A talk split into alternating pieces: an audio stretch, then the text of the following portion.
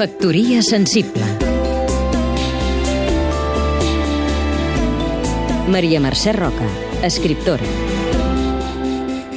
Aquest juliol passat va morir Nadine Gordimer, l'escriptora sud-africana, gran lluitadora contra l'apartheid. Quan arriba la notícia que un autor o una autora important s'ha mort, als últims temps Gabriel García Márquez, Ana Maria Matute o Joana Raspall, el primer que un sol fer és pensar què n'ha llegit. Ah, sí, dius, Cien años de soledad. Ah, sí, el cuento de nunca acabar. Ah, sí, els haikus.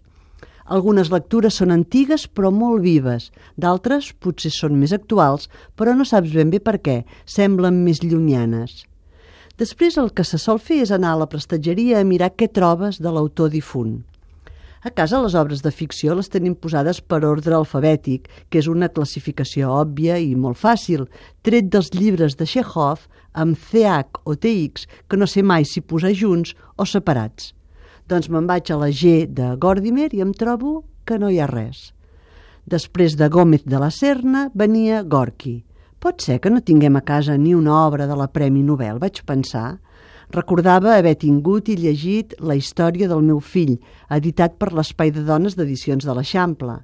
On és aquest llibre i tants altres que es perden? Està mal col·locat a la prestatgeria? L'he deixat a un amic i no me l'ha tornat? L'he perdut?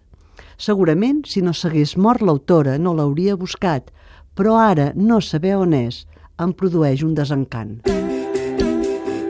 Factoria sensible Seguim-nos també a catradio.cat